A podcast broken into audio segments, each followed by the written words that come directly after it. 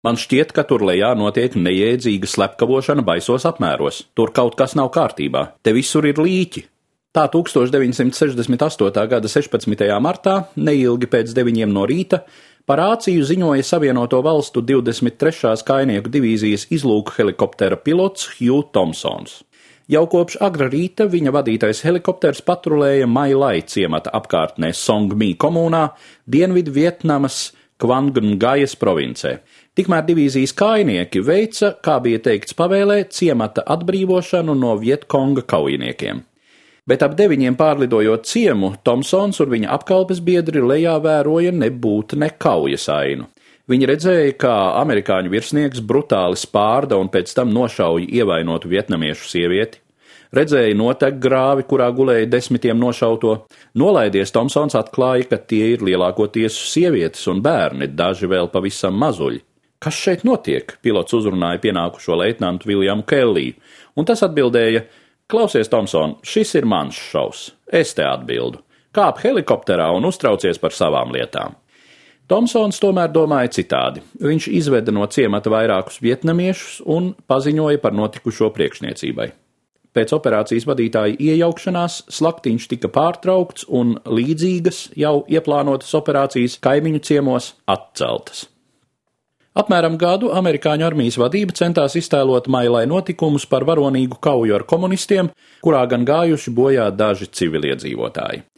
Tomēr pamazām gan prezidentu Niksonu, gan Savienoto valstu kongresu sasniedza citas liecības.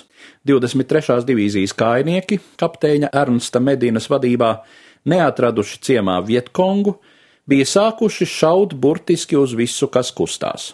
Tāpat laisti darbā durkļi un šauteņu laides, Vairāki upuri pirms noslepkavošanas spīdzināti, sievietes izvarotas. Kopējais noslepkavoto civiliedzīvotāju skaits pēc amerikāņu datiem bija 347, bet vietnamieši vēlāk minēja 504. Nācās uzsākt izmeklēšanu un izvirzīt apsūdzības. Ziņas par slaktiņu nonāca arī amerikāņu masu medijos. Sevišķi šokējoši bija fotoattēli, kurus ar savu privāto aparātu bija uzņēmis armijas fotogrāfs Ronalds Haberle. Tomēr vienīgais, kuru notiesāja, bija jau pieminētais leitnants Kellijs. Tribunāls viņam piesprieda mūža ieslodzījumu, bet prezidents Niksons notiesāto apžēloja, un galu galā Kellijs pavadīja cietumā četrus ar pusi mēnešus. Slaktiņš Mailai ciematā ir vienīgais šāds gadījums astoņu gadu laikā, kamēr Savienoto valstu spēki piedalījās kaujas operācijās Vietnamā.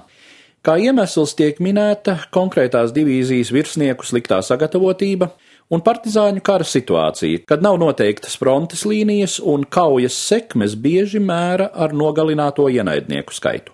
Nogalināšana šādā situācijā kļūst par pašmērķi. Tomēr nevar nepieminēt arī amerikāņu karēvja Denisa Banninga teikto. Vairums no mūsu vienības vietnamiešus par cilvēkiem neuzskatīja. Stāstījumu sagatavoja Eduards Liniņš.